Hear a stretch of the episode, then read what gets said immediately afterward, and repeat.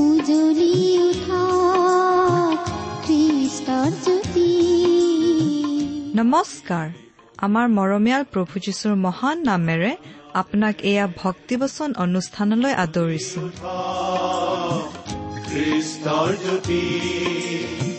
আকাশ কৰি গাঁও হাবে মিলি প্ৰশংসা গীতি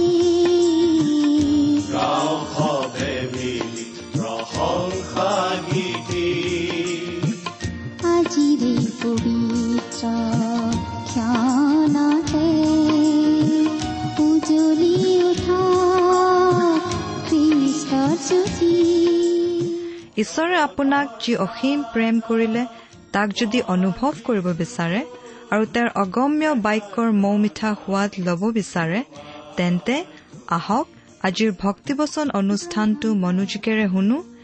এয়া আপোনালৈ আগবঢ়াইছো। ঈশ্বৰৰ জীৱন্ত বাক্যৰ অনুষ্ঠান ভক্তিবচন।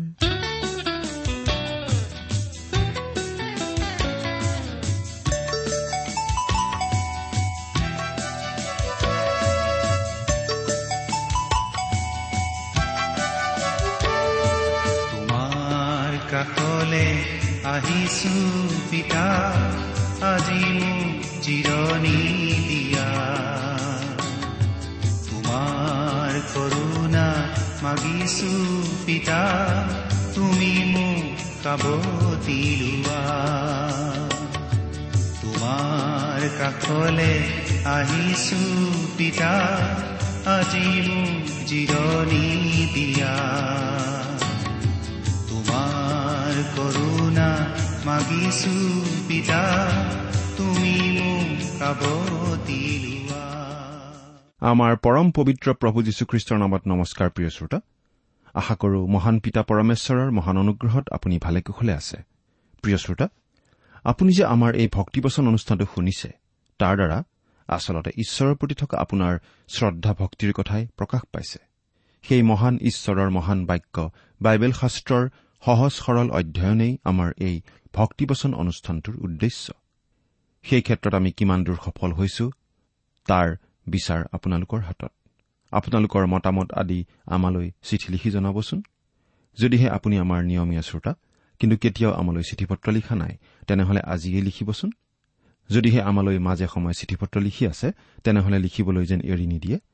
আমাৰ ঠিকনা ভক্তিবচন টি ডব্লিউ আৰ ইণ্ডিয়া ডাক বাকচ নম্বৰ সাত শূন্য গুৱাহাটী সাত আঠ এক শূন্য শূন্য এক। ভক্তিবচন T W R India postbox number seventy Guwahati seven eight one zero' zero' one. আমাৰ website W W W dot radio' eight eight two dot com আহকচোন আজিৰ বাইবেল অধ্যয়ন আৰম্ভ কৰাৰ আগতে খন্তেক প্ৰাৰ্থনাত মূৰ দুৱাওঁ। আমি প্ৰাৰ্থনা কৰো স্বৰ্গত থকা অসীম দয়ালু পিতৃশ্বৰ তোমাৰ মহান নামৰ ধন্যবাদ কৰো।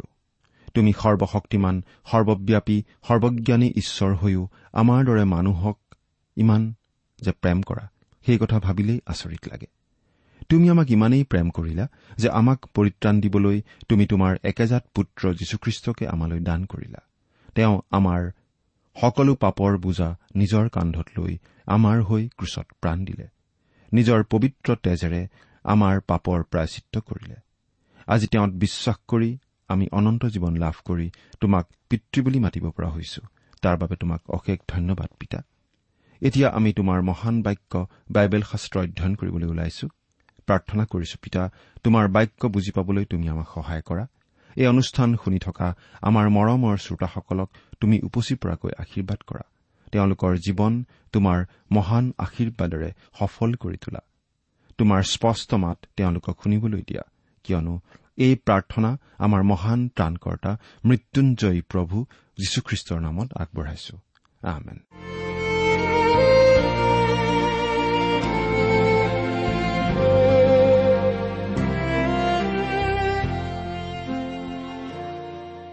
প্ৰিয় শ্ৰোতা যদিহে আপুনি আমাৰ এই ভক্তিবচন অনুষ্ঠানটো নিয়মিতভাৱে শুনি আছে তেতিয়াহ'লে আপুনি নিশ্চয় জানে যে আমি আজি ভালেমান দিন ধৰি বাইবেলৰ নতুন নিয়ম খণ্ডৰ ইব্ৰীবিলাকৰ প্ৰতি পত্ৰ নামৰ পুস্তকখন অধ্যয়ন কৰি আছো। নহয়নে বাৰু?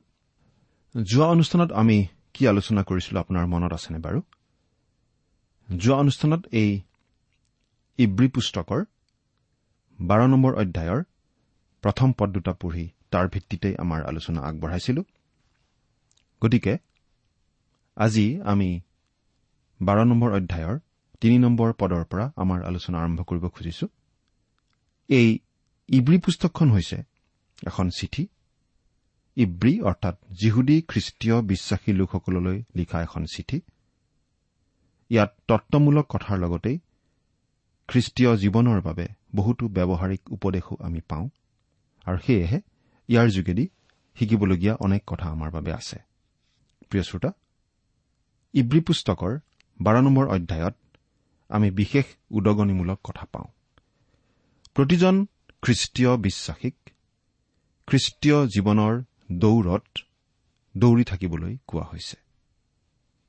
সকলো বুজা সকলো অবিশ্বাস আঁতৰ কৰি আমাৰ বিশ্বাসৰ আদি আৰু সিদ্ধিকৰ্তা প্ৰভু যীশুলৈ চাই থাকি আমাক দৌৰিবলৈ কোৱা হৈছে।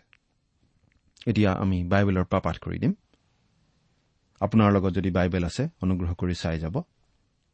আৰু যদিহে বাইবেল নাই আমি পাঠ কৰি দিলে অনুগ্ৰহ কৰি শুনিব। পাঠ কৰি দিছো। ইব্ৰী বাৰ নম্বৰ অধ্যায়ৰ তিনি নম্বৰ পদটো প্ৰথমতে। এতেকে তোমালোকে যেন নিজ নিজ প্ৰাণৰ ক্লান্তিত ক্লান্ত নোহোৱা। এইকাৰণে যিজনাই নিজৰ বিৰুদ্ধে কৰা পাপীবিলাকৰ এনে প্ৰতিবাদ সহন কৰিছিল তেওঁলৈ মনোযোগ কৰা হওক। বাৰ নম্বৰ অধ্যায়ৰ এক নম্বৰ পদত আমি পাওঁ ধৈৰ্যৰ কথা। আৰু এই তিনি নম্বৰ পদত আমি পাওঁ সহ্য কৰাৰ কথা। আচলতে এই দুয়োটা শব্দৰ মূলটো একেই। দুখ কষ্টই সাধাৰণতে ধৈৰ্যৰো জন্ম দিয়ে আৰু সহ্য শক্তিও বঢ়ায়। এতিয়া আমি প্ৰভু যীশুৰ কথালৈ চাওঁ হওক। প্ৰভু যীশুৱে ক্ৰুচৰ যন্ত্ৰণা সহ্য কৰিছিল। ক্ৰুচত মৃত্যুবৰণ কৰিছিল মানৱক উদ্ধাৰ কৰিবলৈ। সেই কাম তেওঁ কৰিছিল পিতৃ ঈশ্বৰৰ বাধ্য হৈ। আৰু সেই কাম এক আঁচনি অনুসাৰেই হৈছিল। এদিন প্ৰভু যীশুৱে সকলোকে ৰজাস্বৰূপে শাসন কৰিব। সবে আঁঠু ল'ব সবে স্বীকাৰ কৰিব। যে তেওঁৱেই প্ৰভু। সেই সকলো কথা জানিয়েই তেওঁ ইমান যন্ত্ৰণা সহ্য কৰিবলৈ আগবাঢ়ি আহিছিল। এই ইব্ৰী পত্ৰখনি লিখা হৈছিল ইব্ৰী খ্ৰীষ্টীয় বিশ্বাসীসকললৈ। তেওঁলোকে আগৰ সকলো বিধি বিধান ৰীতি নীতি ত্যাগ কৰি খ্ৰীষ্টতেই আশ্ৰয় লৈছিল। তেওঁলোকৰ বাবে খ্ৰীষ্টই আছিল সকলো। তেওঁ এই মন্দিৰ তেওঁ এই বিধি বিধান তেওঁ এই আচাৰ ৰীতি নীতি সকলো। তেওঁলোকক সেই খ্ৰীষ্টৰ কথাকেই অনবৰত মনত ৰাখিবলৈ কোৱা হৈছে। খ্ৰীষ্টই কিমান দুখ সহন কৰিলে সেই কথা মনত ৰাখিবলৈ কোৱা হৈছে। কাৰণ খ্ৰীষ্টীয় বিশ্বাসী হিচাপে এই জগতত নানা ধৰণৰ বাধা দুখ কষ্ট তাৰণা আদিৰ সন্মুখীন হ'বলগীয়া হয়। প্ৰিয় শ্ৰোতা আমি যদি ঈশ্বৰৰ বাক্য অধ্যয়ন কৰি পবিত্ৰ আত্মাৰ শক্তিৰে উদ্বুদ্ধ হৈ নাথাকো যদিহে আমি ঈশ্বৰৰ সৈতে মধুৰ সহভাগিতা ৰক্ষা কৰি নচলো যদিহে আমি প্ৰভু যীশুৰ কথা মনত নাৰাখো এই খ্ৰীষ্টীয় জীৱনত আমি হতাশ হৈ পৰাৰ সম্ভাৱনা থাকে। কিন্তু আমি যদি ঈশ্বৰৰ বাক্য ধ্যান কৰি থাকো। আৰু সততে খ্ৰীষ্টৰ কাষত থাকো। আমি উৎসাহ পাওঁ অনুপ্ৰেৰণা পাওঁ। এই কথা আমি প্ৰতিজন খ্ৰীষ্টীয় বিশ্বাসীয়ে মনত ৰখা উচিত। এতিয়া পাঠ কৰি দিম চাৰি নম্বৰ পদ। ইব্ৰী বাৰ নম্বৰ অধ্যায়ৰ চাৰি নম্বৰ পদ। তোমালোকে পাপৰ লগত যুদ্ধ কৰি এতিয়াও তেজ বোৱালৈকে প্ৰতিৰোধ কৰা নাই। অৰ্থাৎ সেই ইব্ৰী খ্ৰীষ্টীয় বিশ্বাসীসকলে যদিও নানা ধৰণৰ বাধা তাৰণা ক্লেশ আদিৰ সন্মুখীন হ'ব লগা হৈছিল তেওঁলোকে কিন্তু তেতিয়ালৈকে খ্ৰীষ্টৰ হকে শ্বহীদ হ'ব লগা হোৱা নাছিল। অৱশ্যে পাছলৈ বহুতো লোক খ্ৰীষ্টৰ কাৰণে মৃত্যুমুখত পৰিব লগা হৈছিল আৰু আজিও তেনেকুৱা ঘটি থাকে। সেইবাবেই আজিও আমাক কোৱা হৈছে তোমালোকে যাতে হতাশ হ'ব নালাগে তোমালোকে যাতে ভাগৰি নপৰা তাৰ বাবে অনবৰতে খ্ৰীষ্টতে লাগি থাকা। খ্ৰীষ্টৰ কথাই চিন্তা কৰা। তেওঁলৈকে চাই থাকা। তেওঁৰ পথত চলি থাকা। তেওঁৰ কথা মনত ৰাখা। তেওঁৰ কথা ধ্যান কৰি থাকা। এতিয়া আমি পাঁচ নম্বৰ পদটো পাঠ কৰিব খুজিছো। ইয়াত লিখা আছে আৰু যি আশ্বাসৰ বাণীয়ে পুত্ৰ বুলি তোমালোকৰ লগত কথা বাৰ্তা কৰিছে বোলে হে মোৰ পুত্ৰ প্ৰভুৰ শাসন হে জ্ঞান নকৰিবা আৰু তেওঁৰ পৰা অনুযোগ পালে ক্লান্ত নহবা।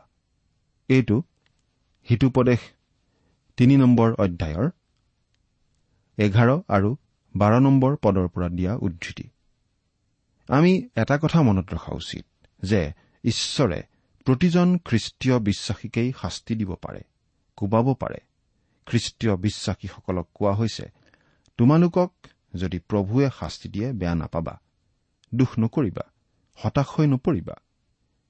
ইয়াত শাস্তি দিয়া বা কোবোৱাৰ কথাটোত আচলতে অনুশাসনৰ কথাটোহে নিহিত হৈ আছে। ল'ৰা ছোৱালীক ডাঙৰ দীঘল কৰোতে মাক দেউতাকে বহু সময়ত অনুশাসনমূলক ব্যৱস্থা ল'ব লগা হয়। কিবা এটা বেয়া কাম কৰা দেখিলে শাস্তি দিব লগাও হয়। নিজৰ ল'ৰা ছোৱালীক সৎ পথত আনিবলৈ সকলো মাক দেউতাকেই চেষ্টা কৰে। ভাল শিক্ষা দি ভাল মানুহ কৰিবলৈ সকলোৱে বিচাৰে। ছয়ৰ পৰা আঠ নম্বৰ পদলৈকে পাঠ কৰি দিম। কিয়নো প্ৰভুৱে যাক প্ৰেম কৰে তেওঁক শাস্তি দিয়ে।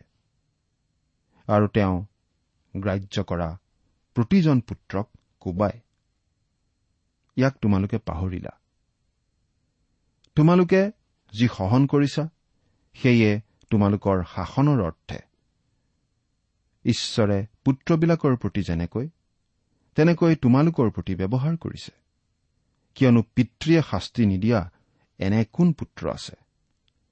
কিন্তু সকলোৱে যি শাসনৰ ভাগি হ'ল তোমালোক যদি তাৰ ভাগি নোহোৱা তেন্তে তোমালোক জাৰজহে পুত্ৰ নোহোৱা। খ্ৰীষ্টীয় বিশ্বাসীসকলে মনত ৰখা উচিত যে তেওঁলোক ঈশ্বৰৰ সন্তান। আম্মিক সন্তান। যীশুখ্ৰীষ্টক ত্ৰাণকৰ্তা বুলি গ্ৰহণ কৰাৰ লগে লগে পবিত্ৰ আত্মাৰ শক্তিৰে নতুন জন্ম লাভ কৰি আমি ঈশ্বৰৰ সন্তান হৈ পৰো। ঈশ্বৰ হৈ পৰে আমাৰ পিতৃ। পিতৃয়ে পুত্ৰক প্ৰেম কৰে। সেইদৰে পুত্ৰক ভাল হোৱাটো পিতৃয়ে বিচাৰে। সেইবাবে পুত্ৰক প্ৰয়োজন হলে শাস্তি দিয়ে কোবাই। গতিকে আচলতে পুত্ৰক শাস্তি দি অনুশাসন কৰি পিতৃয়ে পুত্ৰৰ প্ৰতি থকা প্ৰেমৰহে পৰিচয় দিয়ে। খ্ৰীষ্টীয় বিশ্বাসীসকলকো পিতৃ ঈশ্বৰে সেইকাৰণেই শাস্তি দিব লগা হয়। বহু সময়ত মানুহে প্ৰশ্ন কৰে খ্ৰীষ্টীয় বিশ্বাসী লোক প্ৰায়েই দুখ কষ্টৰ সন্মুখীন হ'ব লগা হয়। কিয়? আমি ৰোগ নৰিয়াত পৰিলেও এই প্ৰশ্নটো কৰো। কিয়? কি কাৰণে এনেকুৱা হয় বুলি আমি নিশ্চয় চিন্তা কৰো। ঈশ্বৰৰ সন্তানসকলে দুখ কষ্টৰ সন্মুখীন হ'ব লগা হয়। এই কথা বাইবেলত স্পষ্ট কৰি দিয়া আছে। আমি গীতমালাৰ চৌত্ৰিশ নম্বৰ গীতৰ ঊনৈশ নম্বৰ পদটো পঢ়ি দিব খুজিছো।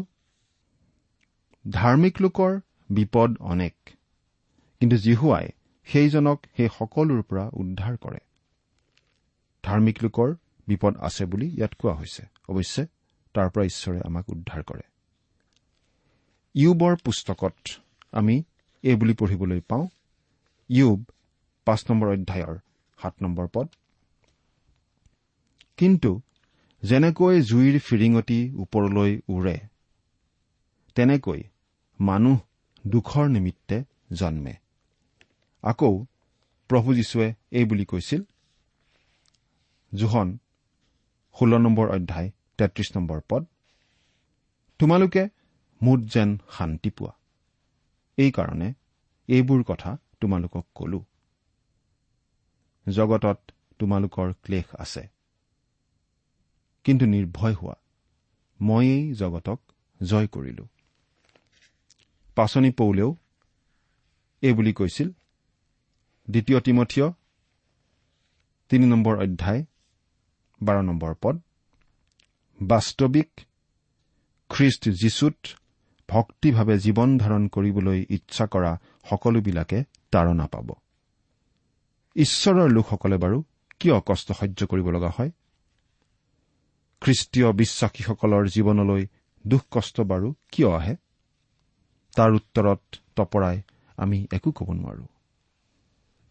বাইবেলৰ আচলতে কোনোটো পদতেই তাৰ একেবাৰে পোনপটীয়া স্পষ্ট উত্তৰটো আমাক দিয়া হোৱা নাই। কিন্তু বাইবেলখন অধ্যয়ন কৰি আমি কিছুমান কাৰণ বিচাৰি উলিয়াইছো। আৰু ঈশ্বৰে তেওঁৰ সন্তানসকলক কিয় দুখ কষ্টত পৰিবলৈ দিয়ে তাৰ সাতটা কাৰণ আমি তালিকাভুক্ত কৰিছো। সেইকেইটা আমি আপোনালোকক জনাব বিচাৰিছো। প্ৰথমটো কাৰণ হৈছে আমি বহু সময়ত ঈশ্বৰৰ অতি পৰিপক্ক সন্তান হলেও দুখ কষ্টত পৰিব লগা হয় আমাৰ নিজৰ মূৰ্খতাৰ কাৰণে।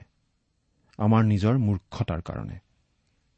প্ৰথম পিতৰ দুই নম্বৰ অধ্যায়ৰ বিশ নম্বৰ পদত আমি এই বুলি পঢ়িবলৈ পাওঁ কাৰণ পাপ কৰি ভুকু খালে যদি সহন কৰা তেন্তে তাত কি প্ৰশংসা আছে?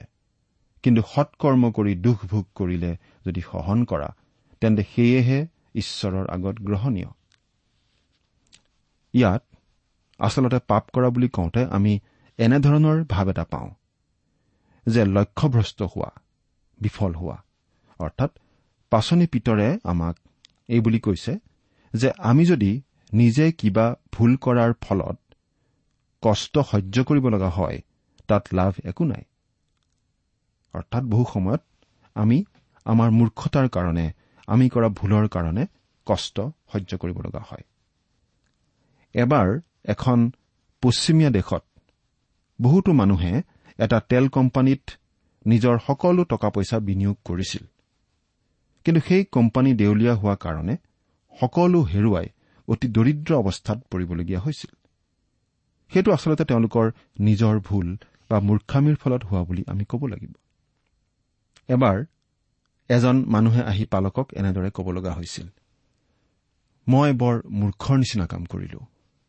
মোৰ আৰু মোৰ ভাৰ্যাৰ মাজত খুব ভাল সম্বন্ধ আছিল।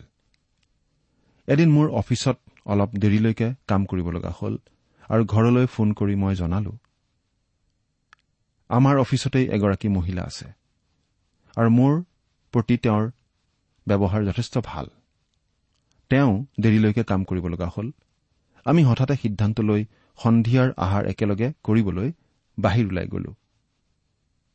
সেয়া সম্পূৰ্ণ বন্ধুত্বপূৰ্ণ ধৰণৰ আহাৰহে আছিল। কিন্তু এজন মানুহে আমাক সেই ৰেষ্টুৰাত দেখিলে আৰু মোৰ ভাৰ্যাক ফোন কৰি কথাটো জনালে। অৱশ্যে মই ভাৰ্যাক কথাটো বুজাই কলো আৰু ঘটনাটো সিমানতেই ৰৈ থাকিল আৰু আগ নাবাঢ়িল আৰু একো বেয়া নহল। কিন্তু বহুত বেয়া পৰিস্থিতি হ'ব পাৰিলেহেঁতেন। মুঠতে সেইটো মোৰ বাবে বৰ মূৰ্খামীৰ কাম হৈছিল। এৰা আমি বহু সময়ত আমাৰ মূৰ্খামীৰ কাৰণে দুখ কষ্ট সহ্য কৰিব লগা হয়। দ্বিতীয়তে দ্বিতীয়তে আমি সত্য আৰু ধাৰ্মিকতাৰ হকে থিয় দিলে দুখ কষ্টৰ সন্মুখীন হ'ব লগা হয়। আমি আপোনাক একেবাৰে গেৰাণ্টি দি ক'ব পাৰোঁ। যে যদি আপুনি সত্য আৰু ধাৰ্মিকতাৰ হকে থিয় দিয়ে তেনেহলে আপুনি দুখ কষ্টৰ সন্মুখীন হবই হ'ব। কিমানবিলাক পুৰুষ মহিলাই যে এই কথাৰ সাক্ষ্য দিব পাৰিব? পাচনি পিতৰেও এই বুলি কৈছে। প্ৰথম পিতৰ তিনি নম্বৰ অধ্যায়ৰ চৈধ্য নম্বৰ পদ। আৰু ধৰ্মৰ কাৰণে যদিও দুখ ভোগ কৰিব লগা হয় তথাপি তোমালোক ধন্য। কিন্তু তেওঁবিলাকৰ ভয়ত ভয়াতুৰ নহবা আৰু ব্যাকুল নহবা। বহুতো মানুহে জানি বুজি ঈশ্বৰৰ পক্ষে থিয় হয় আৰু সেইবাবে দুখ কষ্টত ভুগিবলগীয়া হয়। কিন্তু এই বিষয়ে কৰা চিন্তাৰ ক্ষেত্ৰত আমাৰ ভুল হ'বও পাৰে। এবাৰ এজন মানুহ আহি পালকক কলে যে তেওঁ ঈশ্বৰ বিশ্বাসী হোৱা বাবে তেওঁৰ কাৰ্যালয়ৰ সকলো লোক তেওঁৰ শত্ৰু। কিন্তু আন এজন মানুহ আছিল সেই কাৰ্যালয়তে কাম কৰা। তেওঁ হলে এই বুলিহে জনালে যে আচলতে সেই মানুহজনে সকলো মানুহৰ আগত বক্তৃতা দি থাকিব খোজে আনকি কামৰ সময়তো। কাম কৰি থকা সময়ত মানুহৰ আগত খ্ৰীষ্টৰ সাক্ষ্য দিবলৈ চেষ্টা কৰি তেওঁ আচলতে নিজকে অতি বহুৱাৰ নিচিনাহে কৰি দেখুৱাইছিল। গতিকে আমি আচলতে এই বুলিহে ক'ব পাৰোঁ যে তেওঁ খ্ৰীষ্টীয় বিশ্বাসী হিচাপে সত্য আৰু ধাৰ্মিকতাৰ হকে থিয় দিয়াৰ কাৰণে নহয়। কিন্তু তেওঁৰ ব্যৱহাৰ ভুল হোৱা কাৰণে তেওঁৰ ব্যৱহাৰ সঠিক নোহোৱা কাৰণেহে তেনেদৰে তেওঁ সমস্যাত পৰিব লগা হৈছিল। অৰ্থাৎ আমি এইটো ক'ব খুজিছো যে বহু সময়ত আমি যদিও ভাবিব পাৰোঁ যে আমি সত্য আৰু ধাৰ্মিকতাৰ হকে দুখ ভোগ কৰিছো বুলি কিন্তু আচলতে সেয়াও আমাৰ মূৰ্খামীৰ কাৰণেই হ'ব পাৰে বা আমাৰ আচৰণ সঠিক নোহোৱা কাৰণেও হ'ব পাৰে। কিন্তু লগতে এইটো কথাও ঠিক যে সত্য আৰু ধাৰ্মিকতাৰ হকে থিয় দিলে আমি নানা ধৰণৰ দুখ কষ্ট বাধা আদিৰ সন্মুখীন হ'বই লাগিব। তাৰ পিছত আমি তিনি নম্বৰ কাৰণটো চাব খুজিছো। আমি খ্ৰীষ্টীয় বিশ্বাসী হিচাপে নানা ধৰণৰ দুখ কষ্টৰ সন্মুখীন হোৱাৰ তৃতীয়টো সম্ভৱতঃ কাৰণ হ'ব পাৰে যে আমাৰ জীৱনত থকা গুপুত পাপৰ কাৰণে আমি কষ্টত পৰো। প্ৰথম কৰিন্ঠিয়া এঘাৰ নম্বৰ অধ্যায়ৰ একত্ৰিশ নম্বৰ পদত পাচনি পৌলে এই বুলি লিখিছে পাঠ কৰি দিছো কিন্তু আমি নিজৰ বিচাৰ নিজে কৰা হলে আমালৈ দণ্ডাজ্ঞা নহলহেঁতেন। আকৌ পদটো পাঠ কৰি দিব খুজিছো। কিন্তু আমি নিজৰ বিচাৰ নিজে কৰা হলে আমালৈ দণ্ডাজ্ঞা নহলহেঁতেন। অৰ্থাৎ ইয়াত বাৰু কি বুজাব খোজা হৈছে? পাচনি পলে এইটো ক'ব খুজিছে। আনৰ পৰা লুকুৱালেও আমি ঈশ্বৰৰ পৰা একো লুকুৱাব নোৱাৰো। আমি আমাৰ জীৱনৰ বিভিন্ন পাপ বিভিন্ন কুকৰ্ম। সেইবোৰ আনৰ পৰা গুপুত কৰি ৰাখিব পাৰোঁ। আনৰ দৃষ্টিত আমি সম্পূৰ্ণ ধাৰ্মিক হৈ থাকিব পাৰোঁ। আনৰ চকুত ধূলি মাৰি আমি নানা ধৰণৰ পাপ কৰি থাকিব পাৰোঁ। কিন্তু আনৰ পৰা লুকুৱালেও আমি ঈশ্বৰৰ দৃষ্টিৰ পৰা সেই পাপ লুকুৱাব নোৱাৰো। আৰু যদি আমাৰ জীৱনত এনেকুৱা কিবা গুপুত পাপ থাকে ঈশ্বৰে সেই গুপুত পাপৰ পৰা আমাক ঠিক পথলৈ আনিবৰ বাবে আমাক শাস্তি দিয়ে। শাস্তিস্বৰূপে আমাৰ জীৱনলৈ নানা ধৰণৰ দুখ কষ্ট আদি তেওঁ আহিবলৈ দিয়ে। গতিকে খ্ৰীষ্টীয় বিশ্বাসী হিচাপে আমাৰ জীৱনত যদি কিবা দুখ কষ্ট আহিছে আমাৰ জীৱনত থকা কিবা গুপুত পাপৰ বাবেই সেই দুখ কষ্ট আহিব পাৰে।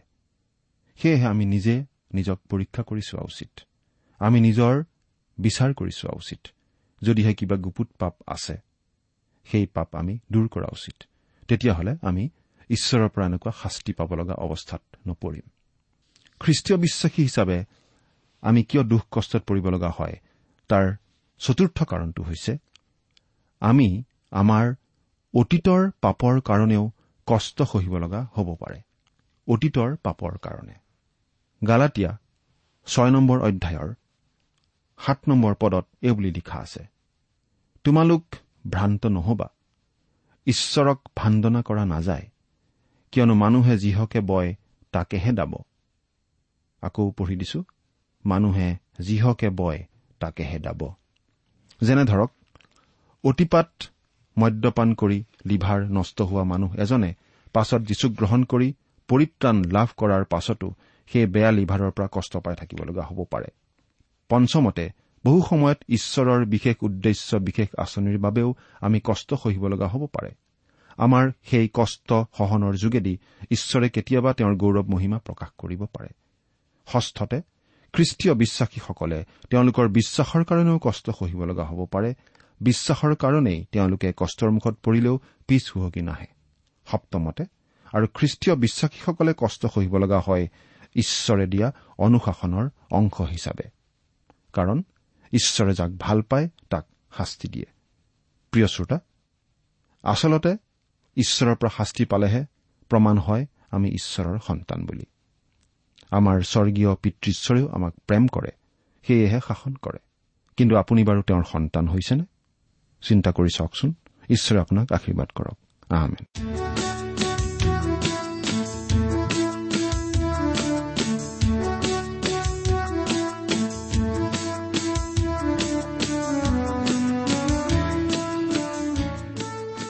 ইমান পৰে আপুনি ভক্তিবচন অনুষ্ঠানটি শুনিলে। অনুষ্ঠানটি শুনি কেনে পালে? আমালৈ চিঠি লিখি জনাবচোন। অনুষ্ঠানত প্ৰচাৰ কৰা কোনো কথা বুজিব লগা থাকিলেও আমালৈ লিখক।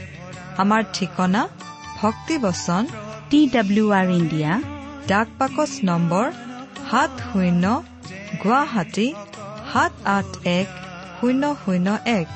ঠিকনাটো আৰু এবাৰ কৈছো ভক্তিবচন টি ডাব্লিউ আৰ ইণ্ডিয়া ডাক পাকচ নম্বৰ সাত শূন্য গুৱাহাটী সাত আঠ এক শূন্য শূন্য এক। আপুনি ইমেইল যোগেৰেও আমাৰ সৈতে যোগাযোগ কৰিব পাৰে। আমাৰ ইমেইল আইডিটো হৈছে Assamese T TV at radio' eight eight two dot com. আইডিটো আকৌ এবাৰ কৈছো। Assamese T TV at radio' eight eight two dot com. আপুনি টেলিফোনৰ মাধ্যমেৰেও আমাক যোগাযোগ কৰিব পাৰে। আমাৰ টেলিফোন নম্বৰটো হৈছে শূন্য তিনি ছয় এক দুই ছয় শূন্য চাৰি ছয় সাত এক। ফোন নম্বৰটো আকৌ এবাৰ কৈছো zero' three six one two six zero' four six seven one. আজিৰ অনুষ্ঠানটি ইমানতে সামৰিছো। ঈশ্বৰৰ শান্তি আৰু অনুগ্ৰহ আপোনাৰ লগত থাকক। ধন্যবাদ। বাটত ইমান নিৰাশা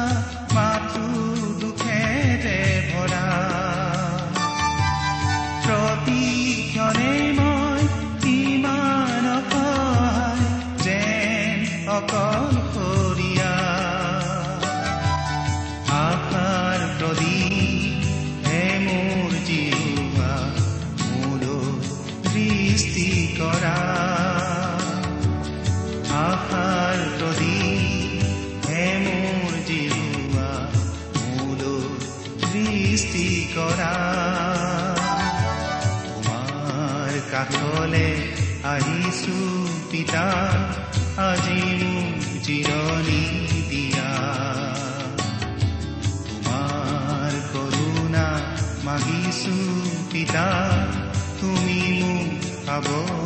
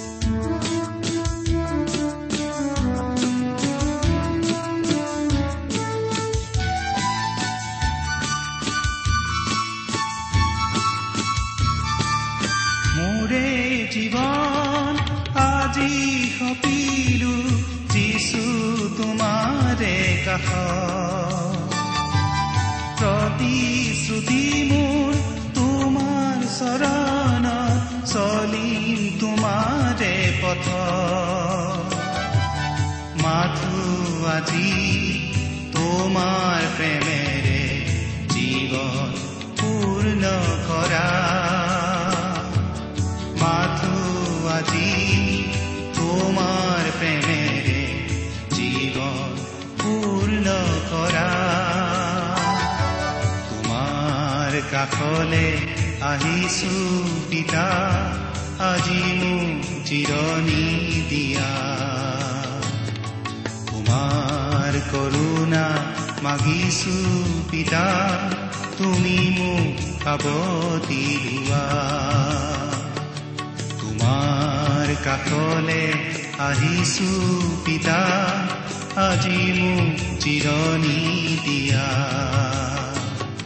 তোমাৰ কৰোণা মাগিছো পিতা তুমি মোক কাবতি লোৱা তুমি মোক জিৰণি দিয়া তুমি মোক লোৱা